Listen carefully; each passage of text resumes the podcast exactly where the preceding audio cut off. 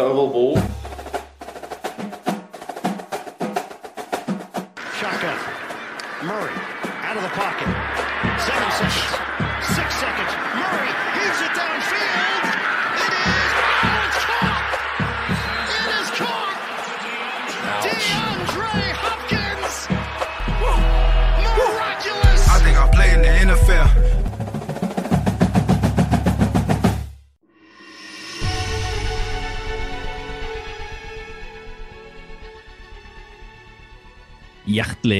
Velkommen til Oval ball.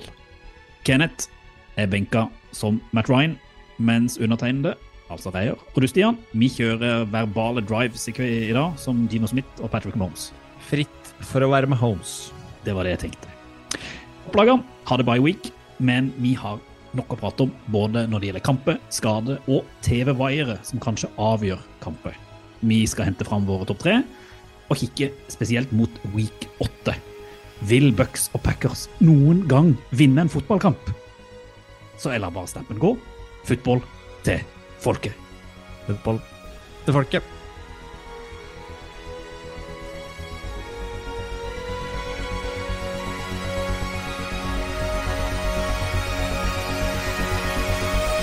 Da kjører vi duoball. Duoball. Det, det blir en vane. Vi har sagt det før, og vi kommer til å si det flere ganger. Det blir duoball, men det er hyggelig. Ja, vet du hva? Vi, vi trenger ikke han. Nei, vi gjør ikke det. Han trenger oss. Det er så sant. Nei da. Vi savner Kenneth. Han kommer tilbake en eller annen gang, men ikke denne gangen. Regner med, regner med det. Ja, jeg tipper han i hvert fall er mer til stede på uh, førsteoppstillingen enn Matt Ryan kommer til å være resten av denne, denne sesongen. Men Ja. det eh, Og de folket skal få høre, høre stemmen hans i løpet av episoden, i hvert fall. Ja, det skal de få lov til. Eh, du Stian, vi møttes jo også Red Zone i helga. Det var jo veldig stas. Det gjorde vi. Det var eh, helgas høydepunkt. Det var kjempestas. Det er mye hyggeligere egentlig å sitte og kunne prate om det vi ser, enn å sende Det er litt tungt å sitte og skrive de meldingene hele tiden, som vi gjør på den chatten. Ja, sant det. Det er gøy å sitte og prate. Og så synes jeg jeg digger jo barna dine. da, For du hadde, jeg tror det var begge barna dine som hadde lagt seg, så hører vi ned fra underetasjen. Pappa, åssen går det med Lamar og Ravens? Ja, må, må oppdateres. Så de er Han, godt eh, opplært. Eldstemann han eh, prøvde jo å tyne det ut så lenge han kunne mens du var her. Ja, jo, han var flink. sammen med oss. Han, det, han mente jo at det var altfor tidlig å legge seg klokka halv ni. Nei, det var stas. Ja, det er morsomt. Og ellers så var jo min helg prega bare av rundball, egentlig. Det var bare sånn der fotballturnering lørdag, søndag, ikke hjemme. Stress med bikkje. Så det, da vi landa hjemme i sofaen på søndag og så var det nei, det var fint, altså. Det var, det var stort. Det var stort, jeg er helt enig. Men du er sliten i dag, eller? Ja, i dag har min sønn bursdag. Han fyller tre år, så det har vært fullt kjør fra litt før seks i dag tidlig til egentlig før jeg satte meg ned nå. Eh, nå er klokka ja, litt over halv ni på en, eh, på en onsdag. Så eh, det er jo dritgøy med unge som har bursdag. Det er jo fullstendig eh, gavekaos, og han får lov å spise kake og godteri, og liksom alt er bare stas. Men han eh, han blir, litt, han blir jo litt sliten, og så har jeg i tillegg hatt en heftig arbeidsdag midt inni der. Så nå sitter jeg velfortjent og le leker overklassen med å drikke et glass vin og prate NFL. Jeg føler det er en god kombinasjon. Ja, jeg syns du fortjener det. Har det blitt noe kake på far? Ja, det lov å si. det har det. Det har blitt, det har blitt, det har blitt noen kake på far. Bra. Jeg vet du er glad i kake. Vi snakker fotball, da. Ja, vi gjør det.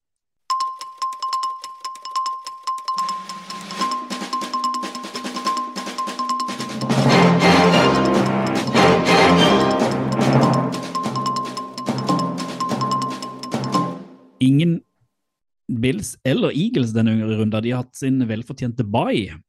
Mm, to beste beste av det. Det er det. Eh, men det har jo vært en ganske gøy gameweek. Og apropos du sa de to beste lagene. Jeg vil jo kaste inn ett lag til der.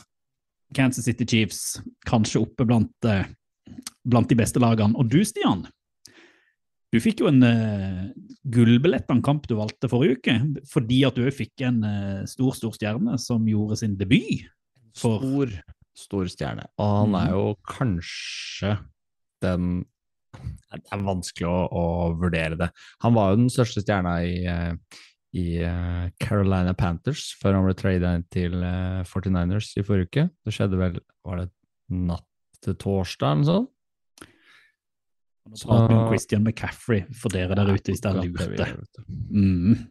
Og vi prater om kampen 49ers mot Kansas City Chiefs, som du valgte ut som rundens godbit forrige Gjorde uke. det. Ja. Gjorde det. Og uh, der traff man jo både på ja, Ikke for meg som egentlig er 49ers-fan, men, men det kan jo, for å ta CMC-traden, så var det jo først og fremst eh, ikke helt sikkert om han skulle spille, men han mente jo han fikk to døgn på seg til å forberede seg, og det er jo det vanlige han hadde eh, hver annen game week, så det burde han jo klare, selv om det var en ny, eh, var en ny playbook.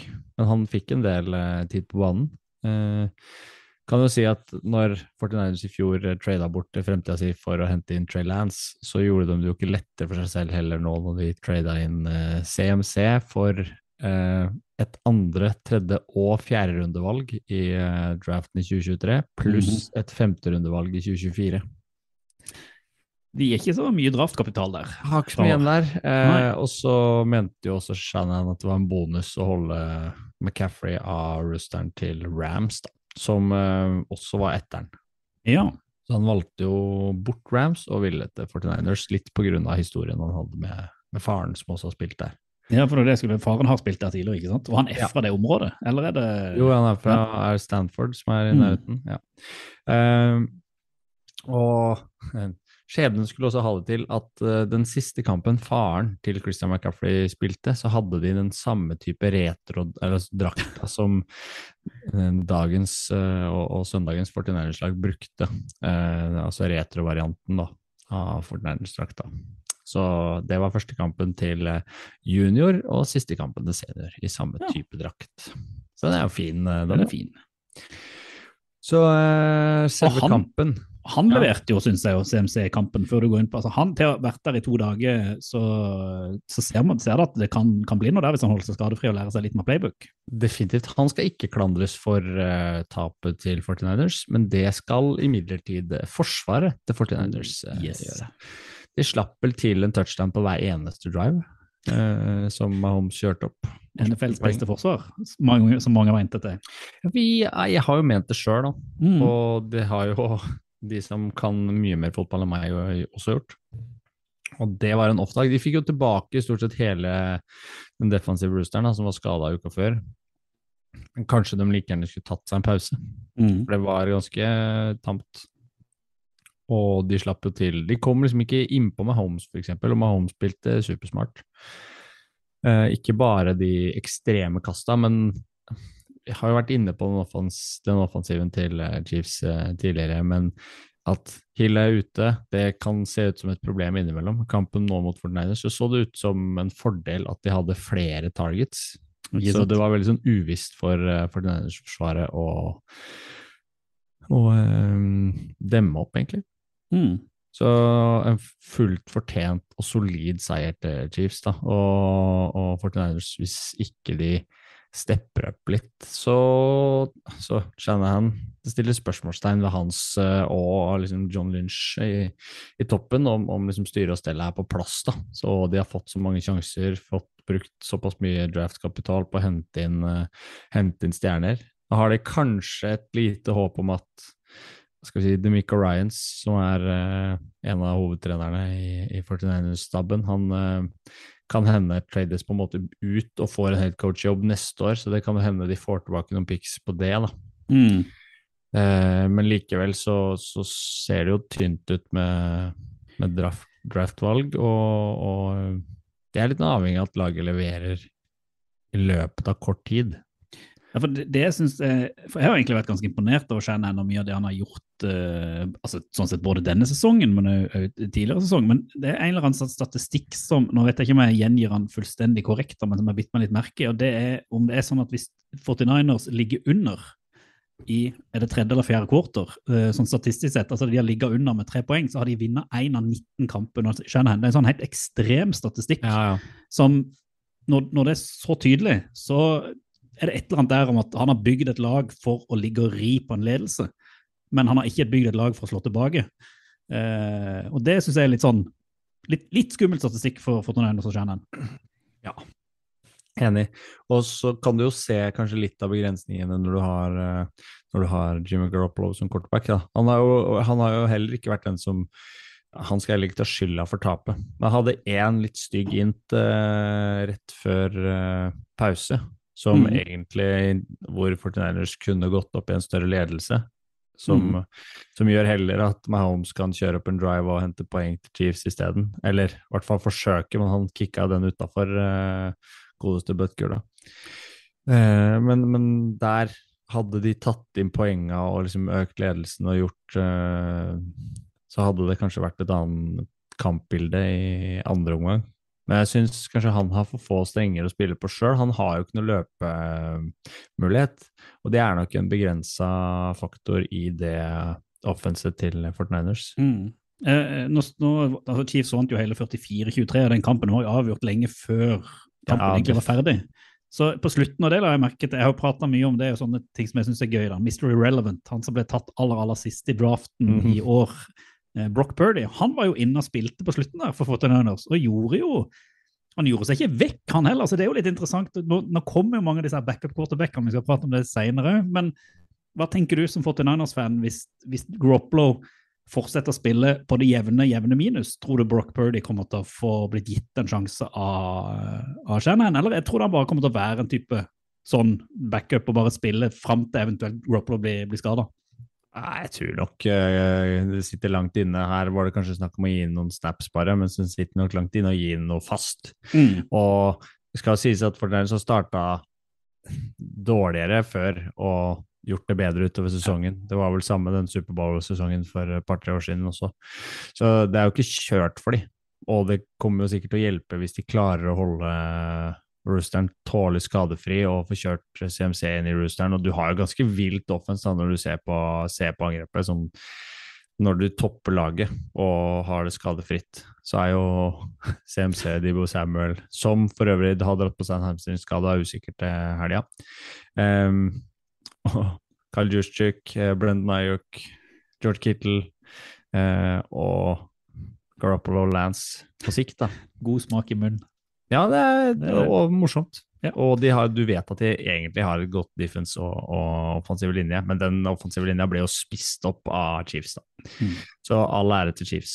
Og du så noe annet, for du så jo Nå valgte du bra kamp òg. Ja, altså jeg, jeg føler jo altså jeg er ekstremt dårlig til å tippe, veldig god til å velge kamper. Det føler jeg er min sånn der eh, Last i livet. Ja, last i livet, supercraft. Nei, for jeg, jeg så jo ut Cincinnati Bengals og Atlanta Falcons litt fordi at jeg syns begge lagene har vist noe eh, i noen av kampene som gjør at eh, jeg tenkte at det der kunne være en sånn statement match, at den som går seirende ut herfra, tar liksom et steg mot player for å vise at de, de skal være med og kjempe. Og så hadde jeg vel en sånn sikkert litt sånn rar tro på at Falcons i fall skulle holde dette her som en jevn kamp. Så jeg tippa liksom at de kom til å tape, men ikke tape med så mye. Og det Mm. tror jeg jo fullstendig feil på, for her var det et Bengals som bare gikk ut i startsblokkene i 120, eh, med Burrow som han kasta vel var det jo 200 yards bare i første quarter eller noe. Chase hadde touchdown, Boyd hadde touchdown. Altså, de det var litt sånn, de, litt sånn som Falcons gjorde mot 49ers forrige uke. Altså, De bare gikk ut i 100 og så seg ikke tilbake. Eh, og det, det ble egentlig ikke noe kamp. Det var jo sånn symptomatisk i, i, når vi satt og så Red Zone, at siste halvdel av kampen så viste de egentlig bare akkurat et par touchdowns fra kampen. For den kampen var bare glemt, forget og, eh, og satt. Ja, Eh, Falcons kom ikke ordentlig inn i det. men det hadde vel en sånn rå touchdown-pasning, Mm. jeg husker ikke hvem det var til, men de mangler jo Corderell eh, Patterson ganske tydelig i det offenset. Det er Carl Pitts leverer og som tåler greit, men de, forsvaret spesielt til Falcons er jo sjanseløst når eh, Chase og Burrow eh, og resten av liksom offenset er på jobb. Ja, når det begynner å klikke litt for. Bengals, i hvert fall. Mm. Så nå, Chase fikk jo så ut som han fikk en strekk og måtte gå av en liten periode, men kom jo inn igjen, så det kan ikke ha vært så voldsomt uh, ja, eh, al alvorlig. Men det, det er jo egentlig det som jeg sitter igjen med etter kampen her, det at Bengals virker til å være litt på sporet som det var i fjor. Jeg, jeg synes jo ennå den offensive linja eh, fikk, ble ikke pressa så mye av Falcons. De greide seg relativt godt defensivt nå, og da, da ser du litt hva som lever i de uh, offensive spillerne til, til Bengals. Så eh, jeg er jo veldig glad i Bengals, jeg skal ikke nekte for det.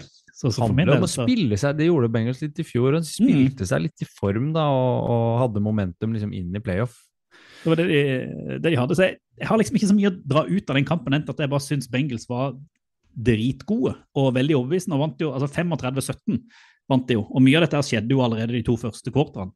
Og så ble fløytkampen litt sånn, sånn uh, ut. Og, Sånn som det kan gjøre, på en måte, ja. ja, og Bengals har jo hatt en tendens tidligere den sesongen i å havne langt langt på underskudd i starten av kampen. og Nå vrei de det til sin fordel, og da viser de at de har egentlig god kontroll. Så Det er jo litt sånn fryktinngytende for en del andre lag at hvis du gir Bengals noen poeng, så skal det ganske mye til for at du greier å komme deg tilbake, tror jeg. Men uh, begynner de å traile, så er det jo farlig da òg, men da er det iallfall litt, litt vanskeligere. Og så har vi jo, vi har nevnt, da, siden jeg ikke har så mye mer å si om denne kampen, da, at uh, vår kjære Kenneth, vår benkete Matt Ryan, uh, har jo han, Vi valgte en kamp til sist. Han har jo ikke anelse om hvilken det er, så han har bare valgt en kamp denne runden òg. Så jeg vet ikke hva det er for noe, men vi kan høre på hva han har, hva han har fått sett da oppi alle dette heftige livet i Grimstad. Ok, jeg har jo selvfølgelig ikke hørt på podden for forrige uke. Eh, men jeg har vel en viss formening om hva slags kamper eh, dere har. Så jeg bare tar min kamp, jeg. Eh, som jeg tippa på. Vant på, selvfølgelig. Seahawks mot Chargers. Og aller først må jeg bare si at jeg tror kanskje jeg bare hopper av dette Staley Chargers-toget. Jeg sa jo lemte det for et par uker siden òg. Det er så mye skader. De får det ikke til. Virker som nesten gutta mista litt troa på vidunderbarnet Staley. Ja, ser ikke bort fra at han faktisk ikke ikke får um, fortsette som trener. Uh, men uansett, kampen. Kenneth Walker. Kommer tilbake til han i topp tre-lista mi. Men altså Det var vel en av oss som nevnte at han kanskje kunne bli offensive rookie of the year, var det ikke det? Tror det. Og akkurat nå så ser han jo ikke kanskje ut som det fordi han ikke har spilt nok kamper. Men hvis han fortsetter det han holder på med nå, denne uka, så føler jeg vel at vi kan si at vi nærmer oss noe. Seahawks tok seg jo av Charters med hele 37-23. Og hvis man ikke trodde på Pete Carroll-eventyret før denne kampen, så er det vanskelig å på en måte la det passere nå, da.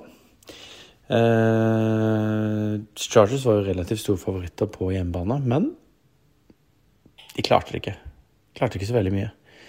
Uh, Seahawks med to tidlige uh, turnovers på Herbert leda jo ganske kjapt 17-0 og så seg jo Kan ikke si at de ikke så seg tilbake, for Chargers kom inn i kampen igjen. Men de på en måte tok seg av det med Kenneth Walker i spissen. Så ja, syns det var en uh, funny kamp. Men uh, det er alarmklokker som går for Chargers. Driver med sånne selvoppfyllende profetier. Han bare leter liksom opp narrativer han, som, som, passer med det han sier.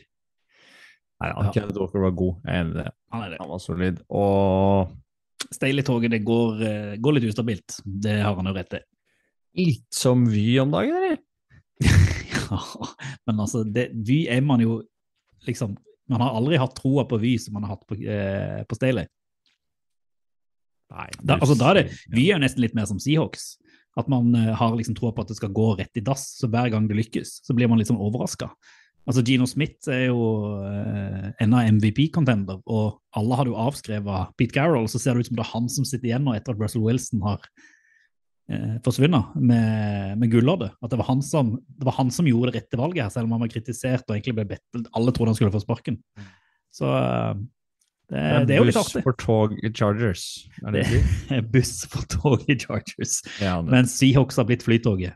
Det er Nå er vi gode. Nå er vi gode. Ja. Mye, mye tog nå. Mye tog. Skal vi Ja. holde oss til litt andre overskrifter? Ja, altså, nå er det jo snart en ny runde, så jeg tror ikke vi gidder gå gjennom kampene, men noen ting må vi liksom eh, prate litt om. Og jeg har jo nevnt det noen ganger, da. Men eh, vi har prata mye om Colts. Eh, hatt litt sånn der, Vi har håpet at det skulle gå bra. Møtte de Titans nå i helga. Gikk ikke så veldig bra. Matt Ryan igjen, krise. Mm. Og hva, hva, hva skjer nå i Colts? Hva skjer nå i Colts? Det er jo fullstendig krise. Johnson Taylor møter ikke opp. Eh, de har ikke noe å gå på. Eh, det så kanskje litt eh, ut som du var på bedringens vei forrige uke. Denne uka her mm, så det trått ut igjen. Også, Og Ryan kaster jo bare bort den ballen. Ja, altså det, jeg må jo bare si jeg er sånn overrasket, for det, Han hadde et intervju for et par uker siden hvor han skrøt sånn av Frank Reich at han hadde full tiltro til ham. Det var de jo etter seieren sist. Ja, det var kanskje etter seieren sist. Og så går det ei uke hvor de liksom, de, de er ute og backer hverandre forrige uke. Og nå, har, nå er det liksom offisielt at Matt Ryan han er ikke bare benka for neste kamp. Altså, han er benka resten av sesongen. Sam Ellinger, som da var vel et sjette rundevalg eller noe i 2021, Mm. han skal inn og spille quarterback for Colts, ikke bare neste kamp. Han skal spille resten av sesongen. Altså, ikke om jeg tror på det, men, uh... ja, men altså, du jeg bare liksom, Frank Reich han må jo sitte så på så tynne, tynne benker akkurat nå. For du, du henter inn en quarterback igjen på en sånn enårskontrakt. Eh, Det funker ikke igjen, som de ikke, egentlig gjorde med, med, med Vents og med Philip Rivers også til en viss grad tidligere. Og så allikevel så har du troa på han. Og så bare istedenfor da å teste utdelinger, så bare sier du allerede nå Ryan er benka resten av sesongen. Ja, nei, det ser ja, Etter forrige uke. Ja, det, det er fullstendig krise. lett krise. Jeg er enig i det. Det er uh, langt under det vi hadde forventa av, uh, av Colts uh, før sesongen. Og han er jo på en måte i klubben til et par av de andre gutta som eh, vi kommer tilbake til etter hvert her òg. Som eh, ja, old også, boys. Og så tror jeg egentlig, Nå hører ikke Kenneth på oss uansett, da, så da er det ikke så farlig. Men den kampen vi egentlig valgte ut, så vidt jeg husker, det var Patriots Bears. Det gjorde vi. Eh, Monday Night. Og der òg skjedde det mye. Uh, Ja, der var Bears on fire. ja, det var, altså, det var kjempeoverraskende. Justin Apropos- Fields var kul å se på. Mm, uh, jeg trodde jo da at Patriots skulle vinne den med kalassifre, for det er jo Bel uh, Belichick kunne vel ta en sånn der seier som den treneren mest seier i NFL eller noe, hvis han vant den. Det gikk jo veldig dårlig. Gikk veldig dårlig, og det Fansen ser jo ut til å legge det skylda på Mac Jones. Ja, han hadde en meget dårlig eh, first half, i alle fall. Uh, han fikk jo starte. Uh, Bailey Zapp, Zappi. På? Ja, altså, det var, det var Det var voldsomt. Så kommer Zappi inn da, og leverer jo meget bra i en liten periode, hvor han da liksom snur momentum, og de kommer opp i kampen. Er den første touchen de scorer der, det er et dårlig kast. Jeg elsker at du har eh, For jeg har sett, jeg har sett på Twitter at det er meget det er mange som er ute og forsvarer Mac Jones, og jeg er bare liksom veldig tydelig på at han er en mye mye bedre quarterback enn det Bailey Zappi er. Punktum. Vår Corkle er min mann, og det her har vi snakka om før. Eh, han er en kjempegod eh, Skal vi si kaster. Han, han er god på de pasningene. Og som, hvis du ser nøye på det første touchdown-passen som eh, Jeg tror det er vår venn Hedli også som påpekte det ganske tydelig. Han påpekte på det veldig tydelig og var ute og hadde et ganske klart og tydelig forsvar for Mac Jones på Twitter her etter kampen. Det er Mayer som tar imot den, og det er jo heller catchet der som er helt sånn ekstremt, at han klarer å, å liksom omstille seg mens den ballen er i lufta, og måten han tar den imot på, i tillegg får gjort den om til en touchdown, for den er ikke ferdig. Han er vidåpen kjempelenge og får en kjempedårlig pasning. Mm. Eh, Og det som er, jo- Nå er det jo det er gøy med sånn konspirasjonsteori og, og Patriots, da, men det som har dukka opp de siste dagene, spesielt på sosiale medier, det er en video. Jeg vet ikke om du har fått med deg den, eh, Stian? Eh, Det er en video hvor det er, det er et eller annet fan som har plukka opp uh, den ene interceptionen til Mac Jones, hvor han da har slowa ned uh, filmen, og da ser det virkelig ut som at den uh, ballen treffer en TV-wire. For det at over alle NFL-banene så henger det en sånn der skycam som kjører? Du får jo masse kule mm. bilder av de kameraene som flyr fram og tilbake. Og da ser det ut som at han kaster den ballen. Han får en tipp sånn rolig av den wiren. Det er ikke mye, men såpass mye da at han farten altså stopper litt, og dermed så greier han Bears-forsvareren å få tak i ja. Eh, men det som har skjedd nå, det er at til og med ISBN har vært ute, for det er jo ISBN som hadde rettighetene til den kampen, har vært ute da og eh, benekta at TV-wiren eh, er skyld i dette her, og den henger mye høyere enn det man antar. Men når du ser den videoen, så kan han begynne å lure, liksom, eh, om Mac Jones rett og slett har blitt, eh, eh, blitt satt ut av spill takket være TV-produksjonen. Så den, er, den skal jeg følge videre. Den er artig. Var ikke du, du var jo ikke i London. Jeg var ikke i London. Ikke, det er ikke for å gni det inn, altså. Nei, takk skal du ha. Men, eh, men der ser du ganske tydelig hvordan de vaierne henger. Eh, Det er jo en ny stadion og litt annen, andre fasiliteter, kanskje. Mhm. Men jeg tenker jeg har eh, Jeg tenker jeg har eh, Eller er enig i hvert fall med ISB-en, sånn som det ser ut da. Fordi de vaierne er litt over det som ser ut at ballen kan komme til å treffe. Ok. Ja, Mm. greit. Da, Men uansett så syns jeg det er uh, Altså, Bailey Zappi hadde to helt sånn hinsides int. Uh, Mac Jones har vært Mm. skada, er ikke helt liksom tuna inn, men han viste jo hele fjor at han er en solid quarterback på, på det nivået, og heva Patriots, Patriots til de grader. Så han er det bare å vente inn, få skadefri, og så må fansen faktisk eh, godta at Mac Jones er best. Sier du. Jeg heier jo på Bailey Zappi bare fordi det er et kult navn. Enkelt og greit. Selvfølgelig. Selvfølgelig. Eh, vi må jo innom én kamp bare fordi at eh, vi, det jo, vi prater jo mye om skade, men eh, Jets var- er jo sånn skikkelig on fire. Dro til Denver eh, uten Russell Wilson. Var Det ikke var en pen kamp, det heller. Brett Ripien, eller heter han, ny, Ja. han quarterbacken til, til Broncos. Det var ikke noen pen kamp, men de vant jo. De greide å dra i seg en seier, blant annet eh, takket være et kjemperush av Breeze Hall, Mhm. som nå er ute resten av sesongen. Og Det er det er et smell for, for Jets. potensiell uh, rookie of the year, han også. Mm. Eh, og Vera Tucker er jo ute, ser det ut som resten av sesongen for Jets. Så nå Det kan være at dette var høyderen i sesongen, og så nå er det bare litt nedover. Det blir spennende å se om de klarer å Og trada de vel inn uh, Robinson fra Jacks, tror jeg, som Mm. running back. Som skulle ta over for Bruce Hall, og, Robinson har vært ganske bra når han har spilt for Jacksonville i år, så det er jo ganske god erstatter, da, som kommer inn, og de er ganske raske med å ta grep. Så jeg håper de, de får sving på, på han, og Vera Tucker tror jeg blir vanskelig å erstatte i, på linja der. Og Broncos òg føler jeg litt i samme eh, båt som eh, Colts. Der brenner det både på dass og under Natalian Hackett og eh, alt. Det, Nei, jeg orker ikke Broncos, jeg er ferdig. det er greit. Da har vi en oppdatering helt til slutt på en nyhet vi brakte til folket i juni 2021. 2021! Sommeren 2021! Ja, Det er sant. Hva, hva skjedde da? Da skjedde det følgende. Frank Clark, som spiller i Chiefs, han ble arrestert to ganger på fire måneder for å ha våpen i bilen. Det ene var en Uzi, altså maskingevær i bilen. Mm. Den straffen har han fått av NFL nå. Han må sone to kamper. Men det er jo fint. Det er altså Gameweek 9 og 10 han må stå over. er hvis, du, hvis, du, hvis du better litt feil, så kan du bli utestengt neste sesong. Og hvis du har med deg et par maskingevær i bilen, så er et par kamper helt OK.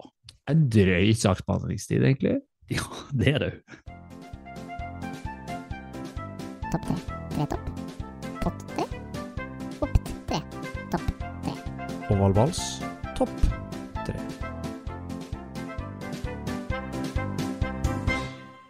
Vi må over til topp tre, selv om eh, vi ikke går så detaljert inn på alle kampene, fordi det er litt seint i uka. Så kan vi begynne med det verste først, eh, tenker jeg, Reier. Så vi får vel spille av klippet som Kenneth sender oss. Han har tid til å sende klipp, ikke tid til å være med her. Nei da. Tolk det som dere vil, sier jeg bare. Topp tre er eh, La meg starte på tredjeplass, eh, som vi pleier. Det er Justin Fields.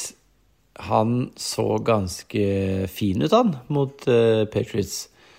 Og nå som Bears begynner å få ordnings på forsvaret, uh, og de faktisk begynner å spille på styrkene til Fields, altså mer design uh, runs, eller at han får beskjed om å løpe uten å bare måtte scramble rundt og, og løpe, som han har gjort til nå. Eh, spiller vel sin beste sesong i karrieren i NFL. Eh, nei, sin beste kamp, mener jeg, mot eh, Patriots. Eh, som de tar seg av ganske greit, altså, på bortebane. Eh, Patriots med quarterback controversy med Bailey Zappi og Mac Jones, som jeg for så vidt ikke skjønner nå. Mac Jones var tross alt et førsterundevalg, men det er en annen historie. For vi snakker om dette eh, Denne gangen skal vi snakke om Justin Fields, også et uh, førsterundevalg, som jeg må si, vi hadde jo litt troa på han eh, kom, når han kom ut av draften. Eh, hadde jo basically han som QB2 etter Lawrence, og jeg vet ikke jeg, jeg har jo fortsatt litt troa, jeg. Altså. Han har jo på en måte samme skillsettet som Lamar og som uh, Jalen Hurts, som man ser lykkes. Eh, og man ser også at, eh, at quarterbacker som har hatt problemer med pasningsspillet sitt, eh, har tatt store steg i år to, tre og fire, som Josh Allen f.eks. Eh, så eh, det ville overraske meg om de lot eh, ikke ville satse på Fields eh, også etter denne sesongen. Så veldig bra ut. Eh, og gøy at Bears eh, klarte å, vinne mot Patriots. Så til andreplassen min. Jeg har allerede snakka om han i kampen, og det er Kenneth Walker the third. Um, min offensive rookie of the year. En longshot, selvfølgelig, men han ser jo gresselig bra ut, altså. Uh, og er på en måte nå blitt en uh, focus point, altså the central element i uh, offenset til Pete Carroll og uh, Shane Waldron og Seahawks. Gino er jo bra, han, altså, men skal de lykkes i år, så er de nok avhengig av Walker, spesielt nå som Penny er blitt skadet. Ser veldig bra ut, Kent Walker, og gleder meg til å følge han videre. Det er liksom føler vel egentlig også strengt tatt at running back-renessansen er eh, på gang. Nå mista vi jo Breeze Hall, eh, som også hadde en fantastisk kamp og har sett veldig bra ut, men Josh Jacobs ser bedre ut enn på mange år. Det samme gjør jo eh, Stacon Barkley, som vi jo elsker. Eh, og det er ganske mye bra løpespill ute og går nå for tiden. Eh, nå som kanskje pasningsspillet er litt sånn ikke så bra. Førsteplassen min, eh, der går jeg for to stykker. Eh, for å bare lure systemet litt, og det er New York, New York. Giants og Jets tordner videre. Eh, vinner igjen begge to.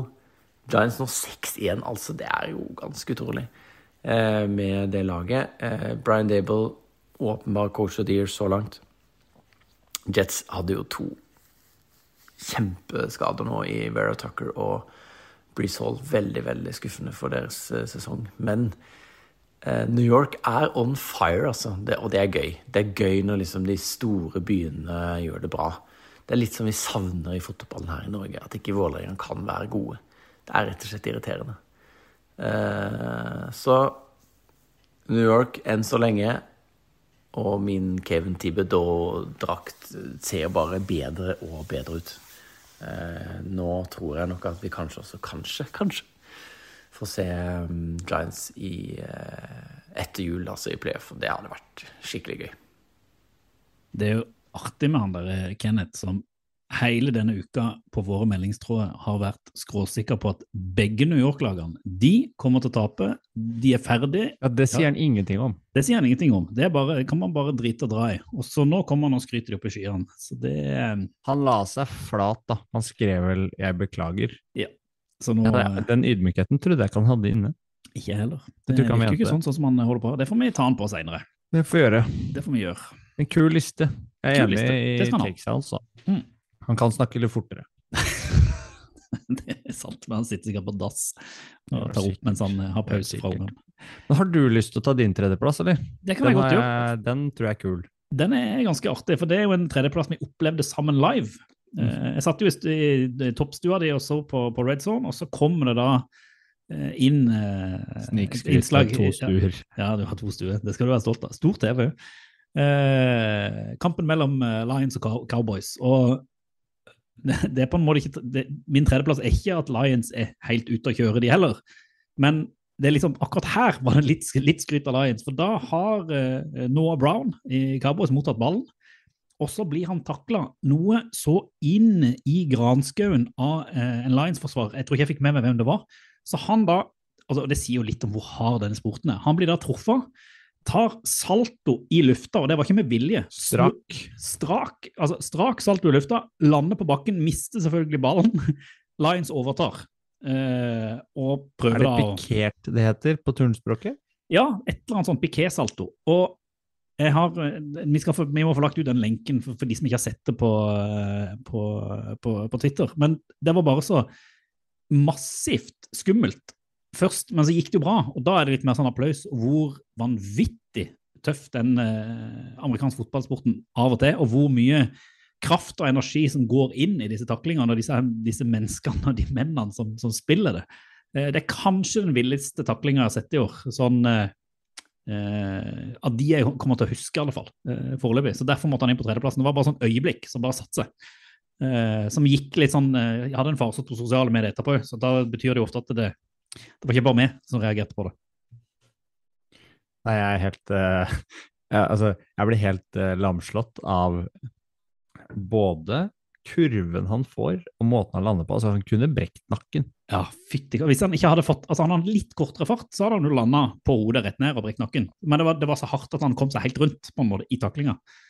Det Eh, er noe med noen fysiske lover her som eh, Eh, men, men, men Cowboys vant. Lions ser ut som de har gjort de siste årene. Kjempetrist. Har vondt av Dan Campbell, men det Jeg har ikke vondt av han lenger. Sorry. Ferdig. Det, Det går ikke, er jeg klarer ikke å synes synd på de lenger. Nei, jeg, gjør det, jeg gjør det litt ennå, men jeg er jo litt sånn Jeg har litt mer hjerte enn du har. Takk skal du ha. Eh, Du da, Stian? Jeg da. Eh, Jeg har en eh, morsom eh, skal vi si, nesten historie til deg på min tredjeplass. Ja, lener meg tilbake. Vi skal til en uh, wide receiver som spiller for uh, Vi skal til Seahawks igjen, da. Men vi skal til Marquise Goodwin. Så jeg vet ikke om du fikk med deg de to uh, touchdownsa han hadde for Seahawks eh, i helgen? Fikk de med meg? Fikk de med deg? Den første var en sånn frekk liten uh, double toe tap eh, i hjørnet på en sånn. Det andre var faktisk et ekstremt bra catch, hvor han viste hvor atletisk han er. Så husker hvor, hvor høyt han hoppa, hvor langt han strakk seg, og hvordan han liksom manøvrerte seg inn eh, på banen og fikk eh, dratt inn ballen. Husker du? Mm Mhm. Eh, og det er faktisk sånn at eh, godeste Marquise Godwin Han eh, ble jo drafta av Buffalo Bills i 2013, så han er på en måte ikke noen ny spiller i NFL. Hadde du hørt om han før, sånn nøye? Jeg har hørt navnet, men jeg har ikke lagt merke til han sånn generelt, mer enn at jeg bare vet at han spiller der. Nei. Han opta out i 2020-sesongen. Ja. Da var han egentlig en filly. Eh, og så og så var han i Chicago, vel, i eh, 2021. Og så er han da i, eh, i eh, Seahawks nå. Mm. Eh, han eh, har faktisk en historie som eh, Eller en historikk som går på eh, Han har deltatt i OL, faktisk. I eh, lengdehopp. Fett. Deltok i London-OL i 2012. Ja.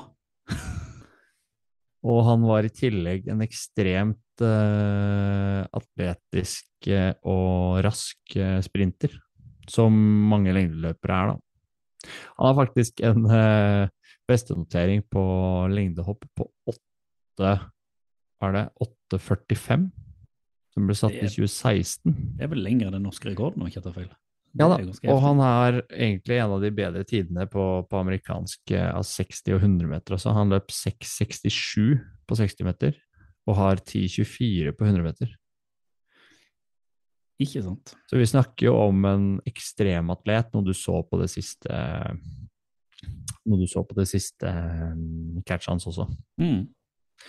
Han eh, har også hatt en brokete eh, og litt tung, eh, priva eh, tungt privatliv, da. Fordi det i november i 2017 så mista han og kona Morgan Godwin Snow, eh, tidligere faktisk eh, hekkeløper og amerikansk mester, tror jeg, i hekk. Tror det var sprinter hun var òg.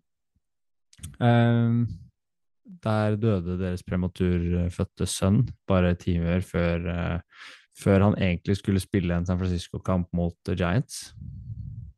Og i november i 2018 så mista han to kamper etter at han og kona mista to ufødte, altså ufødte tvillinger. Da.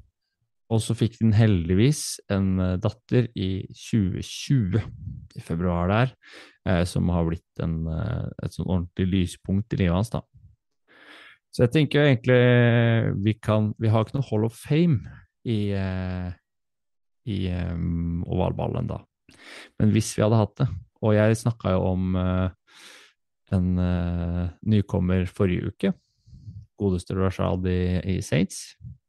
Og selv om ikke Godwin er en nykommer, så er han i hvert fall en, eh, en ny favoritt i oval ball. Han er uten tvil en ovalballfavoritt. En høyt, høyt, høyt der oppe. Så det, det utroper jeg han til. Så han skal vi følge med på denne sesongen, og forhåpentligvis kommende sesonger. Jeg lurer bare på hvorfor du har den på tredjeplass, men det får vi komme tilbake til senere. Altså, det her var ikke fordi jeg hadde den på tredjeplass nødvendigvis. Dette her var fordi jeg hadde, ville ha det først, ta det først, da. Ja, det skjønner jeg. Det er meget, meget 31 bra. Stian. 31 år. Vi heier Ja. på Marquise. Det må jeg bare si.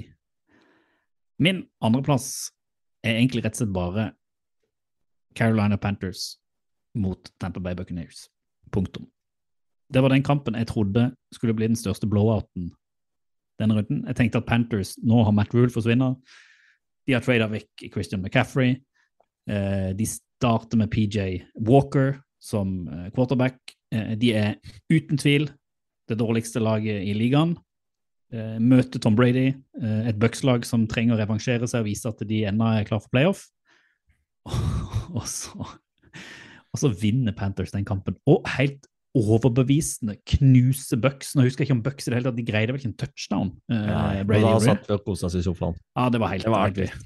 Så det er egentlig bare sånn hyllest til, til, til de spillerne som egentlig bare er blitt avskrevet, eh, og spesielt det forsvaret til Panthers, spesielt da. Eh, at det, det går an.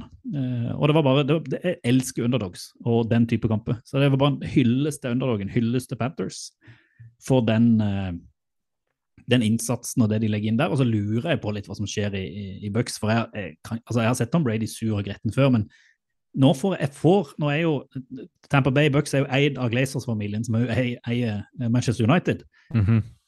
Og jeg får noen sånne der Ronaldo-Brady-vibbe. Altså, det er et eller annet der. Nå spiller jo Brady ennå. Ronaldo er satt på benken og ute, men det er noe det er De snakker sammen, liksom. De snakker Ja. sammen der.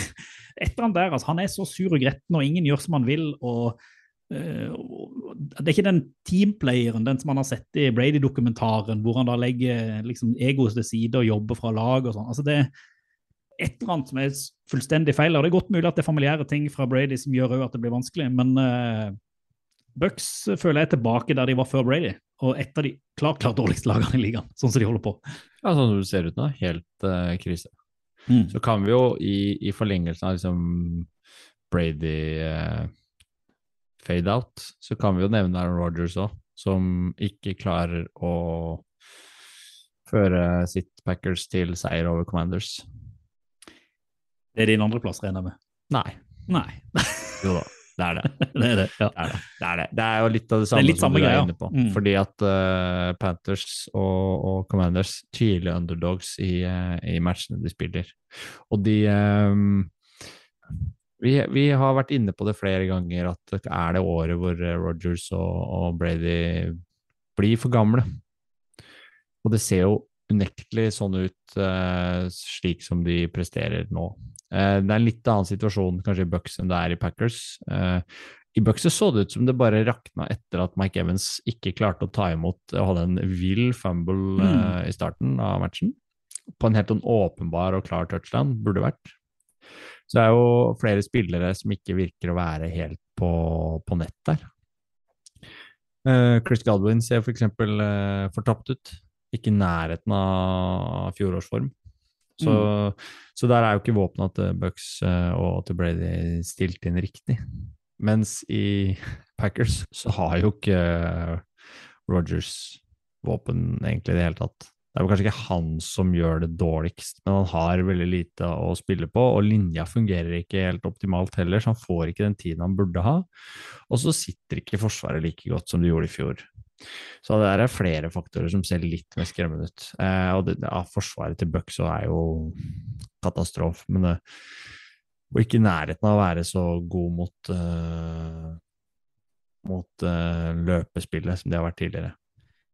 Jeg, jeg tror jo da at eh, Nå kommer vi sikkert tilbake til det senere, men altså, alt kan snu for Packers hvis de vinner kampen til helga. Ja, det- Eh, da skal de møte Bills, men det kan òg være at de virkelig der altså, får seg en eh, slag på, på trynet. Men jeg tenker jo at det, det blir en spennende det blir en spennende avgjørelse for Rogers, for der må de iallfall vise litt mer enn de har vist i de siste kampene. Og nå er de ikke favoritter, så kanskje det kan hjelpe.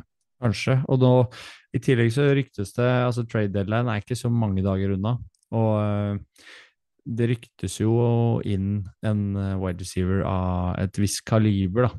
I alle fall. Eh, Claypool. vet ja, Claypool var nevnt. AJ Green var nevnt Mm. fra, fra um, Cardinals. Og det er, det er på en måte spillere som, som Rogers skal ha bedt om og hatt ønske om å jobbe med sjøl. Mm.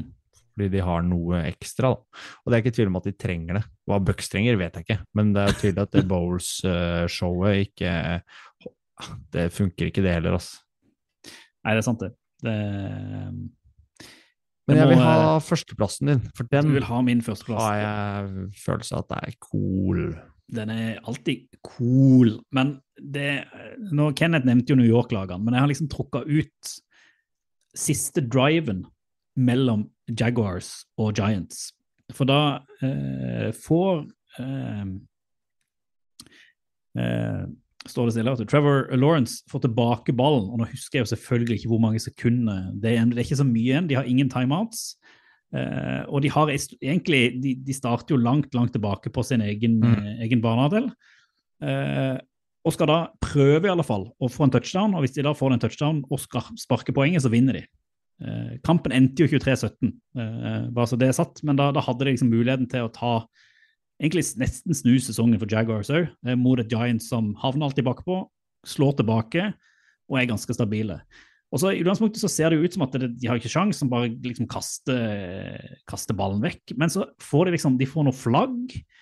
De får noe eh, sånn der, eh, altså Det skjer så mye på den driven. Eh, nå husker jeg jo ikke alt, for det er så lenge siden jeg så det, men jeg bare husker jeg noterte det ned at dette her, mm. det må vi prate om. Og så ender det iallfall opp med at det nesten på slutten er en sånn, nesten en type Hail Mary, men Trevor Lawrence hiver ballen til, til en mottaker. Uh, igjen er jo så dårlig på navn her, men iallfall forsvaret til Giants greier å, å, å stoppe han. han. Altså, de tar imot ballen, han er på vei inn i en sånn, men gjør et såpass god valg at de greier å holde han ute akkurat, og greier å takle han ned to yards fra en Uh, Eh, tida er ute, kampen er over, Giants vinner den kampen. Og det er bare de små Jeg snakker om millimeter nesten før Altså, den de ballen små marginene som gjør at Giants er der de er. Eh, Det var en lignende situasjon i runden før. Da var det vel et par andre lag som, som hadde det samme. Men det er små marginer, og jeg Når vi snakker om quarterbacker som er kanskje på vei til å vise det vi trodde de skulle være, da.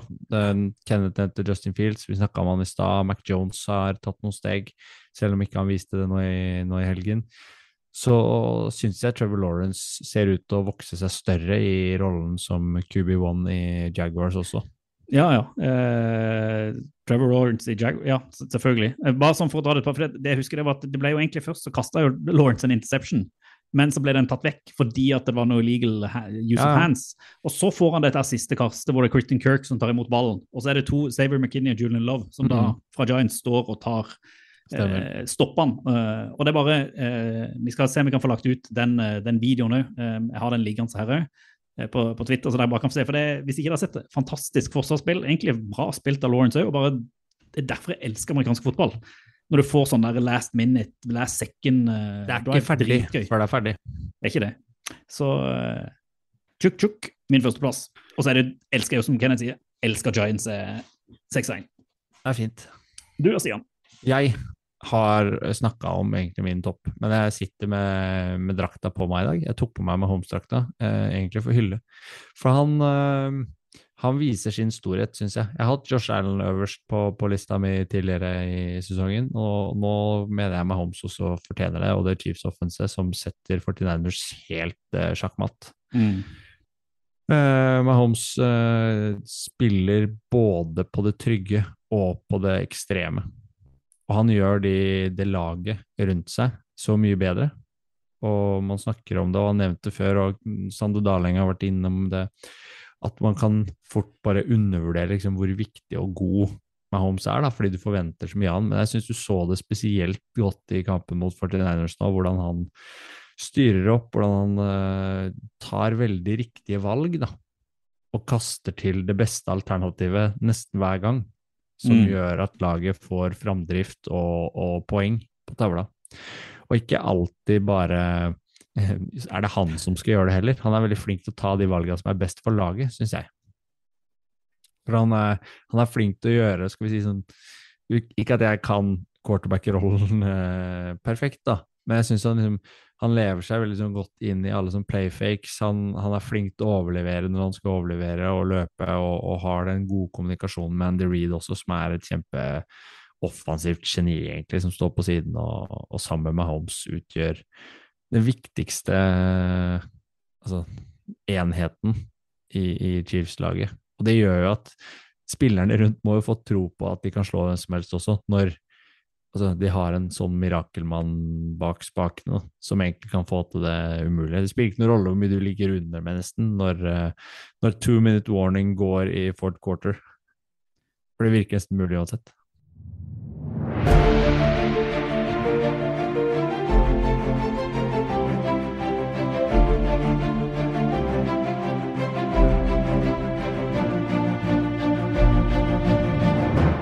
Kjøre dypdykk i dag, Reier. Selv om vi er to, så er det på tide å La oss dykke litt. Ja, vi må se litt nærmere på liksom, status i eh, verdens mest kompetitive liga eh, og idrett. Jeg syns eh, vi skal se litt nærmere på status i divisjonene. Og på tide å opplyse folket litt om, om ståa, eh, og om vi er langt unna egentlig på det vi trodde på forhånd. Vi Kanskje har, vi har folk spådd litt, så Jeg sitter jo med spådommene våre her oppe, så kan vi jo se hvordan vi ligger an. eh, Det kan for- vi egentlig gjøre. så Vi, vi kan gå gjennom hver enkelt divisjon tenker jeg, og, og se litt på, på status, og om det er noen overraskelser, sånn som, sånn som det ser ut. Ja. Og, og begynner vi i AFC, tenker jeg, i AFC East.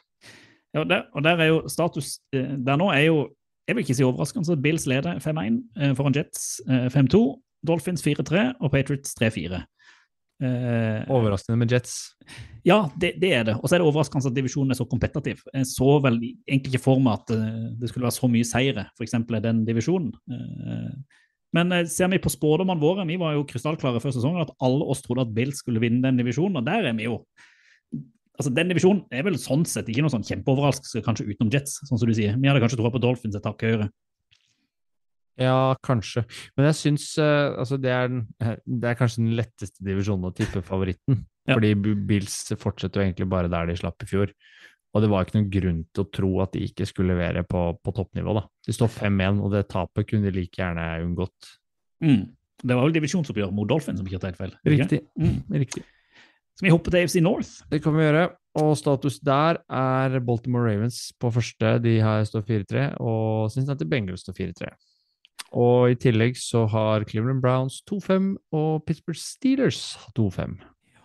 Her hadde da eh, du bestemt deg for at Bengals kom til å vinne den divisjonen, mens eh, vi og Kenneth eh, mente at Ravens kom til å vinne divisjonen. Og sånn i utgangspunktet, når de to lagene står likt, eh, og er egentlig ganske tydelig de to beste lagene i den divisjonen, så vil jeg jo tørre å påstå at det er ikke så mye overraskelse der heller, egentlig. Nei, jeg er nesten overraska over at Browns og Pittsburgh har vunnet to matcher. ja. Browns har jo nesten bare tapt med én one game score. alt, tøysa litt i poden vi hadde, og jeg snakka opp uh, Steelers-laget, litt fordi jeg, det hadde vært kult om, om de overraska, men, men at Ravens og Bengals kommer til å slåss om divisjonsseieren der, er vel eh, åpenbart.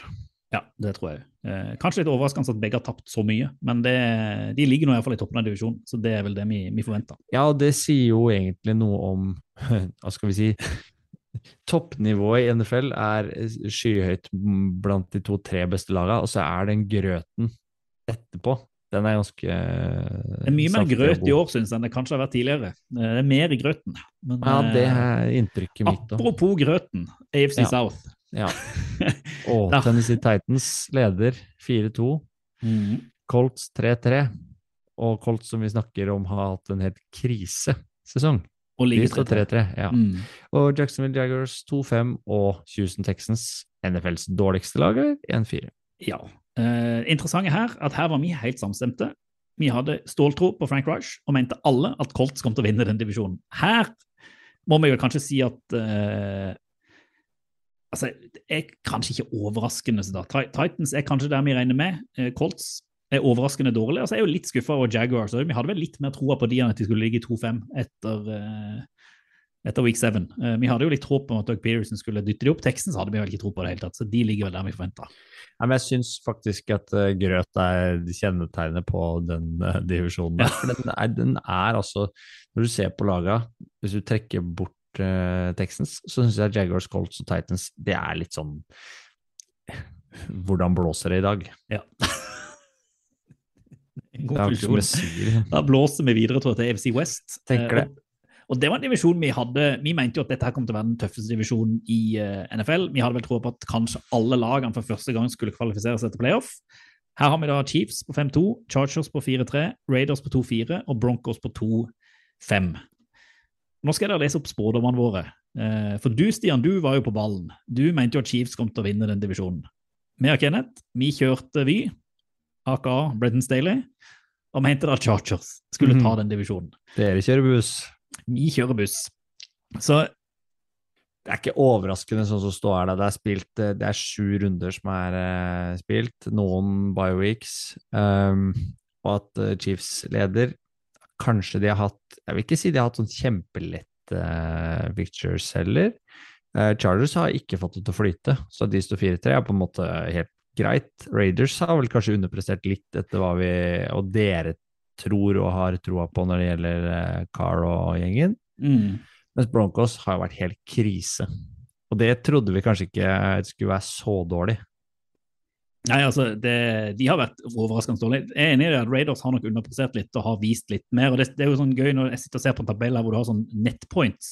Mm. Altså, Raiders har skåra 13 poeng mer enn de har egentlig sluppet til, og likevel så står de på 2-4. Og Det er jo en sånn interessant greie. Det betyr kanskje at de har eh, Mens Charger egentlig har slipper, har ligge ligger 25 minus og ligger på 4-3. Så sant, det er en, eh, det er en sånn interessant dynamikk der òg, hvor du kanskje ser at uh, Charger har vært litt heldige. Og, Jeg tror jeg argumenterte for det, for jeg tippa jo i tippekonken vår, så tippa jeg Raiders i helga som var med, Mm. med to touchdowns, eller hva det var for noe.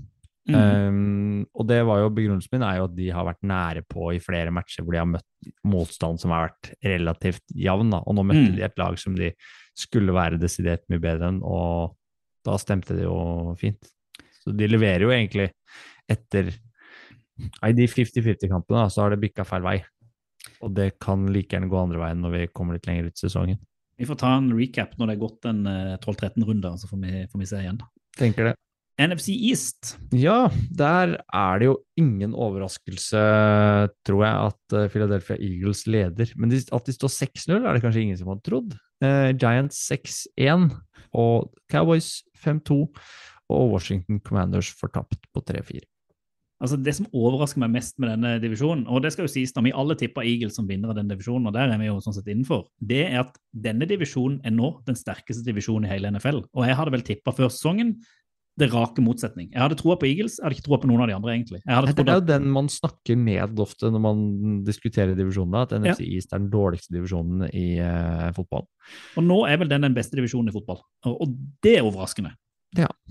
Det er jo egentlig ja, Washington Commanders kan vi jo sette en strek over, kanskje. Nå slo de Packers, sterkt det. Ja. Eh, men, men Cowboys har jo kanskje levert som beste forsvarslag. Eh, Giants overraskende liksom scrappy i alle kamper de spiller. Kan aldri liksom regne det ut, mens Eagles har vært et uh, fyrverkeri. Da får vi hoppe til NFC North. Der står Vikings 5-1 leder. Green Packers 3-4. Og Chicago Bears, dette er gøy, 3-4. Samme som Packers, altså. Ikke sant? Og Og Lions fortapt, de også. 1-5. alltid 1-5. Eh, interessant her er at vi av det hadde jo troa på eh, Chakra Aaron Rodgers. Mente at Packers skulle vinne den divisjonen. Kenneth gikk out on a limb, mente at Vikings var det beste laget her i divisjonen. Og har jo sånn sett eh, ligget godt an på den tippinga foreløpig. Vikings hadde vel bye eh, helgen som var nå, så det blir spennende hva som kommer ut av deres hvilepause, og hvordan de har fått trent og hva de har fått ut av det. Vanligvis så ser man jo at laget har litt sånn ny giv når de får de bye weeksa litt tidlig på sesongen. da. Ja, jeg har jo argumentert for at jeg mener at Vikings har vært litt heldige. Eh, at de kanskje har fått litt for god uttelling. Eh, ser man jo litt sånn på netpoints og sånn, ikke at det har så mye å si på, men at de ligger 21 i pluss, det er liksom for en 5-1-lag eh, kanskje ikke sånn superimponerende. Nå ligger jo Giants 20 i pluss som et 6-1-lag. Betyr at de jevne kamper de vipper til sin fordel, iallfall. Eh, Lions vil jeg jo si egentlig er er, kan, Vi kan ikke si det er en skuffelse. Vi hadde håpet at de skulle gjøre det bedre, og det gjorde de ikke. Jeg hopper til NFC North, nei, NFC South, og det er jo en artig divisjon. Den dårligste divisjonen. eh, Ingen av lagene står på positive tall. Uten Eh, tvil. Tampa Bay Buccaneers og Atlanta Falcons står på 3-4. Carolina Panthers og New Orleans Saints står på 2-5. Her hadde da vi og det, Stian, vi var litt like. Eh, vi hadde Saints som vinner i den divisjonen. De ligger nå i 2-5 og i bunn, mens eh, Kenneth trodde på Brady og hadde Bucks på toppen. Men her er det én kampforskjell, egentlig fra topp til bunn. Eh, jevn divisjon, ekstremt dårlig divisjon, og jeg må si kanskje spesielt Bucks og Saints skuffer meg jo. Ja, jeg tror den divisjonen kommer til å være ganske åpen helt inn, jeg. Ja, Panthers tror jeg kommer til å falle fra. Det, det vil jeg tippe. Ja, men- du skal ikke si det. Jo, det sier jeg. Så får vi se. Eh, interessant er jo med den divisjonen at det er ingen av lagene som ligger i plusskår. Alle ligger i null eller i minus. Ja, Ut, så det sier litt òg om eh, hvordan det ligger an. Det er veldig rart. Så den andre liksom, kongedivisjonen som vi vel trodde, NFC West. Er Her vil jeg del Her vil jeg tørre å påstå at det er litt overraskende. Ja, den lista er vel nesten snudd på hodet. Ja, Nesten. Nesten. Seattle Seahawks leder divisjonen med 4-3. De kvitta seg med Stark QB, og Gino Smith har eh, Nei, jeg påstår overprestert. Kenneth sier vel at han er akkurat der han skal være. Eh, Los Angeles Rams 3-3. Mm, 49ers 3-4 og Cardinals 3-4. her, her er liksom, føler jeg at de tre lagene som man kan altså Cardinals regnet med kanskje vi skulle være en skuffelse. De har vært en skuffelse, men de har greid å hente inn tre seire. Og de har på en måte levert der vi tenkte. Rams syns jeg har vært en, en utrolig skuffelse. Uh, ligger eh, allikevel med tre seire. Og Seahawks er kanskje den eneste sånn ordentlig store positive eh, overraskelsen. Uh, med av det tippa jo Rams som vinner av den divisjonen. Uh, Kenneth uh, tippa 49ers. Enda mulig. Eh, helt åpen uh, ennå. Men uh, spennende at det egentlig er så åpent. Jeg hadde nok ikke trodd før sesongen. Jeg trodde nok at Fort Niners og Rams skulle stikke av der ganske tidlig. Ja, det trodde jeg også, men så kan man jo si at uh, Seahawks har nå spilt seg inn i litt sånn momentum, flyt, uh, unngått skader på de aller viktigste spillerne. Har liksom, jeg vet ikke, Pete Carroll, kult å se på at han lykkes, den gamle mannen. da. Spretten og, og leken som han er eh, når du ser videoer fra treningsfeltet, og hvordan han jubler med, med spillerne etter matchene. Og, nei, jeg synes, det er jo en viss sånn sjarm ved det Seahawks-laget allikevel. da. Det er det. Eh, Jeg tenker Vi kommer tilbake til dette her som sånn uke 13-14 og ser litt mot playoff og status. Og så er du spent og ser om det mye har endra seg siden, eh, siden sist.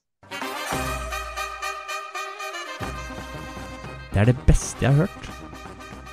Dette er gøy. Det der, det er fett. Oval ball anbefaler. Aldri en oval ball uten en anbefaling. Utenom én, det kan vi si. Og denne gangen Stian, er det du som skal få lov å anbefale noe til folket eh, som du syns de bør bruke litt tid på.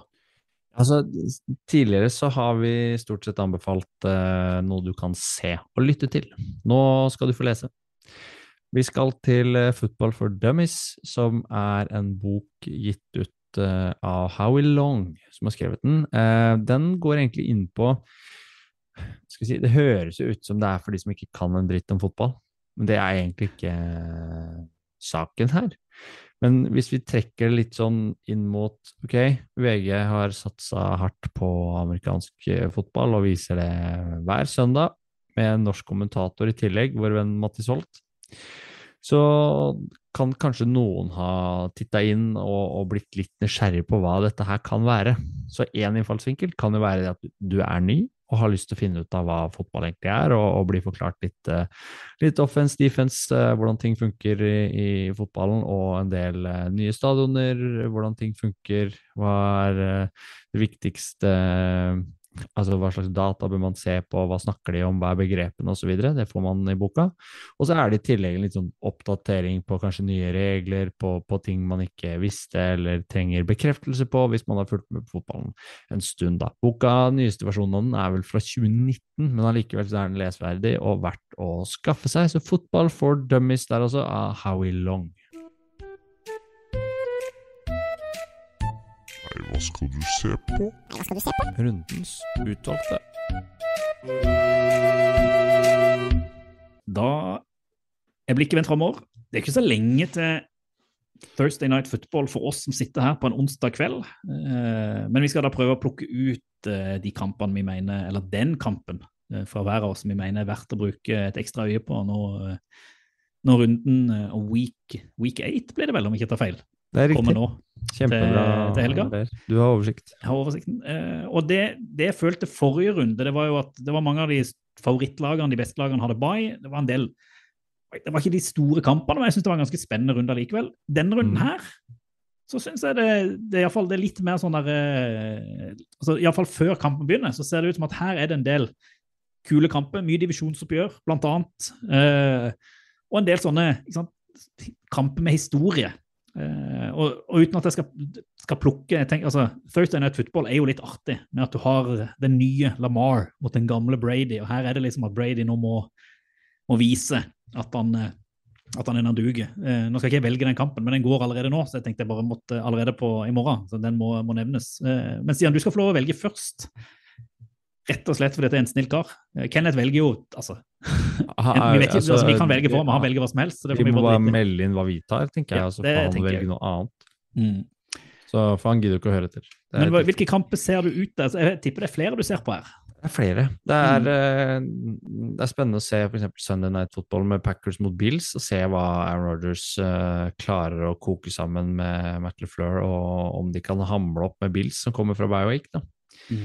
Jeg tenker jo nei, at dette blir eh, grisebank. Eh, men det er ikke den jeg tenker på. Altså tenker jeg også på at vi har en London Game igjen, med Jaguars mot Broncos på Wembley Stadium denne gangen. Og det er jo en tidligkamp og verdt å se for, eh, for norske fans klokka halv tre eller halv fire. som Halv fire vel på, starter, så det er jo bare å kose med. Ja, det er verdt å se. Og Lawrence mot eh, Brett Ripien eller ja, Russell Wilson, vi får se. Ja, kanskje, vi får se om han er klar. Men det er jo, jeg har også sagt til meg selv at jeg gidder ikke å se mer Broncos-kamper, men det her blir unntaket, da. uh, men jeg Altså Det er lett å velge favorittlaget sitt når man skal se kamper, men den gangen her så er det faktisk en ganske interessant divisjonskamp som, eh, som er hosta opp. Så jeg klarer ikke å se bort fra seinvinduet på, på søndag og se 49ers mot, mot Rams på SoFi Stadium. Og det er en kamp som 49ers vanligvis har hatt ganske godt Stålkontroll tak på. på. Ja, nå er jeg mer usikker. Og, og det- Rams er jo litt sånn skade altså skadeskutte liksom, i desperat eh, betydning. da. At de Mm. er nødt til å levere og, og, og vise fansen, hvis de har noen, uh, at dette her må de faktisk eh, levere på. Så, så 49ers Rams tror jeg kan bli en kjempe altså Både severdig og, og sånn revansjelysten kamp for begge lag. Og så er det ja, viktig divisjonsoppgjør, som vi har prata om eh, tidligere. Altså Her er det to lag som har skuffa litt, som må uh, make a statement. Mm. Mm. Så Nei, jeg, tror det kan bli kul, kul. Den kan bli kul. Den, eh, den kommer jeg til å se. Jeg sitter jo liksom, jeg hadde jo egentlig, Kanskje før denne runden så tror jeg jeg kan nesten hadde velgt ut Patriots mot Jets, bare fordi at det er et divisjonsoppgjør som tidligere har vært fullstendig overhøvling fra Patriots, og nå plutselig ser Jets ut til å være favoritten, men så får du de skadene, og så, så Men jeg, jeg tenker at i tidlig vindu så kommer jeg nok til å følge litt ekstra med på den. Eh, Men jeg hopper òg til seinvinduet på søndagen. Eh, For da har jeg lyst til å ta hva kan du si, the game of the surprise. Eh, Giants mot Seahawks de to lagene som kanskje har overraska mest i år, i positiv retning, skal møte hverandre. Et offensiv i Seahawks, kanskje mot et ganske godt defensiv i Giants. Altså Det er spennende hvordan de to lagene står mot hverandre. Det er to lag som har, har overraska, har eh, kara til seg en del, del seire. Eh, og er rett og slett veldig usikker på styrkeforholdet der. Eh, Den syns jeg er veldig vanskelig å tippe på. også mot eh, liksom, crazy fans uh, der. Mm. Jeg tror det kan ha litt å si. Men, men Giants kommer liksom fra altså De slo jo Packers på en måte borte i London, Ja. uh, og så vant de jo hjemme nå sist. Så jeg tenker jo Ja, Jeg ser jo egentlig Seahawks nå, egentlig, sånn som de har levert, som små favoritter. Men, Mm. men det er igjen en sånn kamp som Giants kan liksom jobbe seg inn i. Ikke gi for stor avstand hvis Seahawks uh, starter best, Mm. og, og, og liksom klare å snu det til sin fordel. Skal vi tippe trepoengsseier til Giants, da? Ja, og jeg tror, det blir, jeg tror det blir litt sånn low score. Altså hvis det blir, Jo lavere poengscore det blir, jo mer sannsynlig tror jeg det blir at Giants vinner. Hvis Seahawks får i gang offensivet sitt, sånn som de har gjort, og skårer mye poeng, så Giants er jo ikke, de skårer jo ikke så mye poeng, men de pleier å avgjøre tette kamper. Så la oss si da, blir det under 40 vinner Giants, blir det over 40 vinner Seahawks. Ja. Ja. Jeg skal ikke si du er god til å tippe, men det er litt det du tenker her nå. Det blir helt sikkert Ja, motsatt. men det fins flere matcher å se, men, men eh, vi går altså for 49ers Raps og Giant Seahawks senvindu søndag. Vær så god. Ovalbanen. Fotball til folket. Da var vi ferdige her. Da var vi ferdige. Ikke at det er noe Altså, vi må ikke rast, komme raskt dit, for det er kjempegøy å sitte og prate fotball med deg, og det er, det er nesten lettere å prate bare oss to. Ja. Så slipper vi han Hører du Han hører ikke på oss, Nei, ja, spiller ikke noen rolle. Noen rolle. Men uh, det er jo en fantastisk uke som kommer uh, nå til helgen, og veldig gøy å følge med på uh, mange av de oppgjørene som kommer der. Um, jeg tror vel så Av spillere som er kult å se på også, så man kommer jo ikke unna CMC. så Derrick Henry var på vei tilbake i form nå sist, og de møter, eh, møter eh, Texans. så Det kan jo bli store slem til eh, Tennessee-laget ditt. Ja, ja. Altså, Kenneth skal ha én ting. Han nevnte dette med running back-renessanse. Og det er et eller annet der, altså. Plutselig er det running backene som har stått fram denne sesongen. Så det er litt sånn, litt sånn running back-week som kanskje vi skal ha litt fokus på neste gang. har vi kanskje snakka om Ja. også. Og det er vel det det kan se ut til, og, og viktige kickere. Mm. Kan jo um, Cairo Santos er det han heter, han i Bears. Ja, ja. Han leverte også ganske solid, syns jeg. Um, og Blankenship var tilbake i Cardinals, så det, det blir jo morsomt å se på de Helt glemt å prate om kickere denne uka. Det er skandale. Så det var godt Ja. at du nevnte det. Da har du noe å, å følge litt ekstra med på når vi skal sette oss ned og se Red Zone eh, på søndag. Det skal jeg gjøre. Jeg gleder meg så mye. Så håper jeg vi er fulltallige i, i neste uke. Det kommer sikkert ikke til å skje. egentlig. Ja. Men jeg krysser fingrene med det godhjertet jeg har. Ikke sant? Mm, jeg har jo ikke hjerte. Nei, du har ikke det, vet du. Du er bare et tomt skall. Men eh, selv om du er det, tusen takk for nå, Stian. Og uh, fotball til folket. Fotball til folket. Do the Titans have a miracle left in them in what has been a magical season to this point? If they do, they need it now. Christie kicks it high and short. Going to be fielded by Lorenzo Neal at the 25. Yeah, give it Pitches to- it, back to Wycheck. He throws it across the field to Dyson. He's got something. 30, He's got something. 50. He's got it. 40, He's got it. 20, 10. He's got it. five, End zone. Touchdown Titans. There are no flags on the field. It's a miracle. Tennessee has pulled a miracle.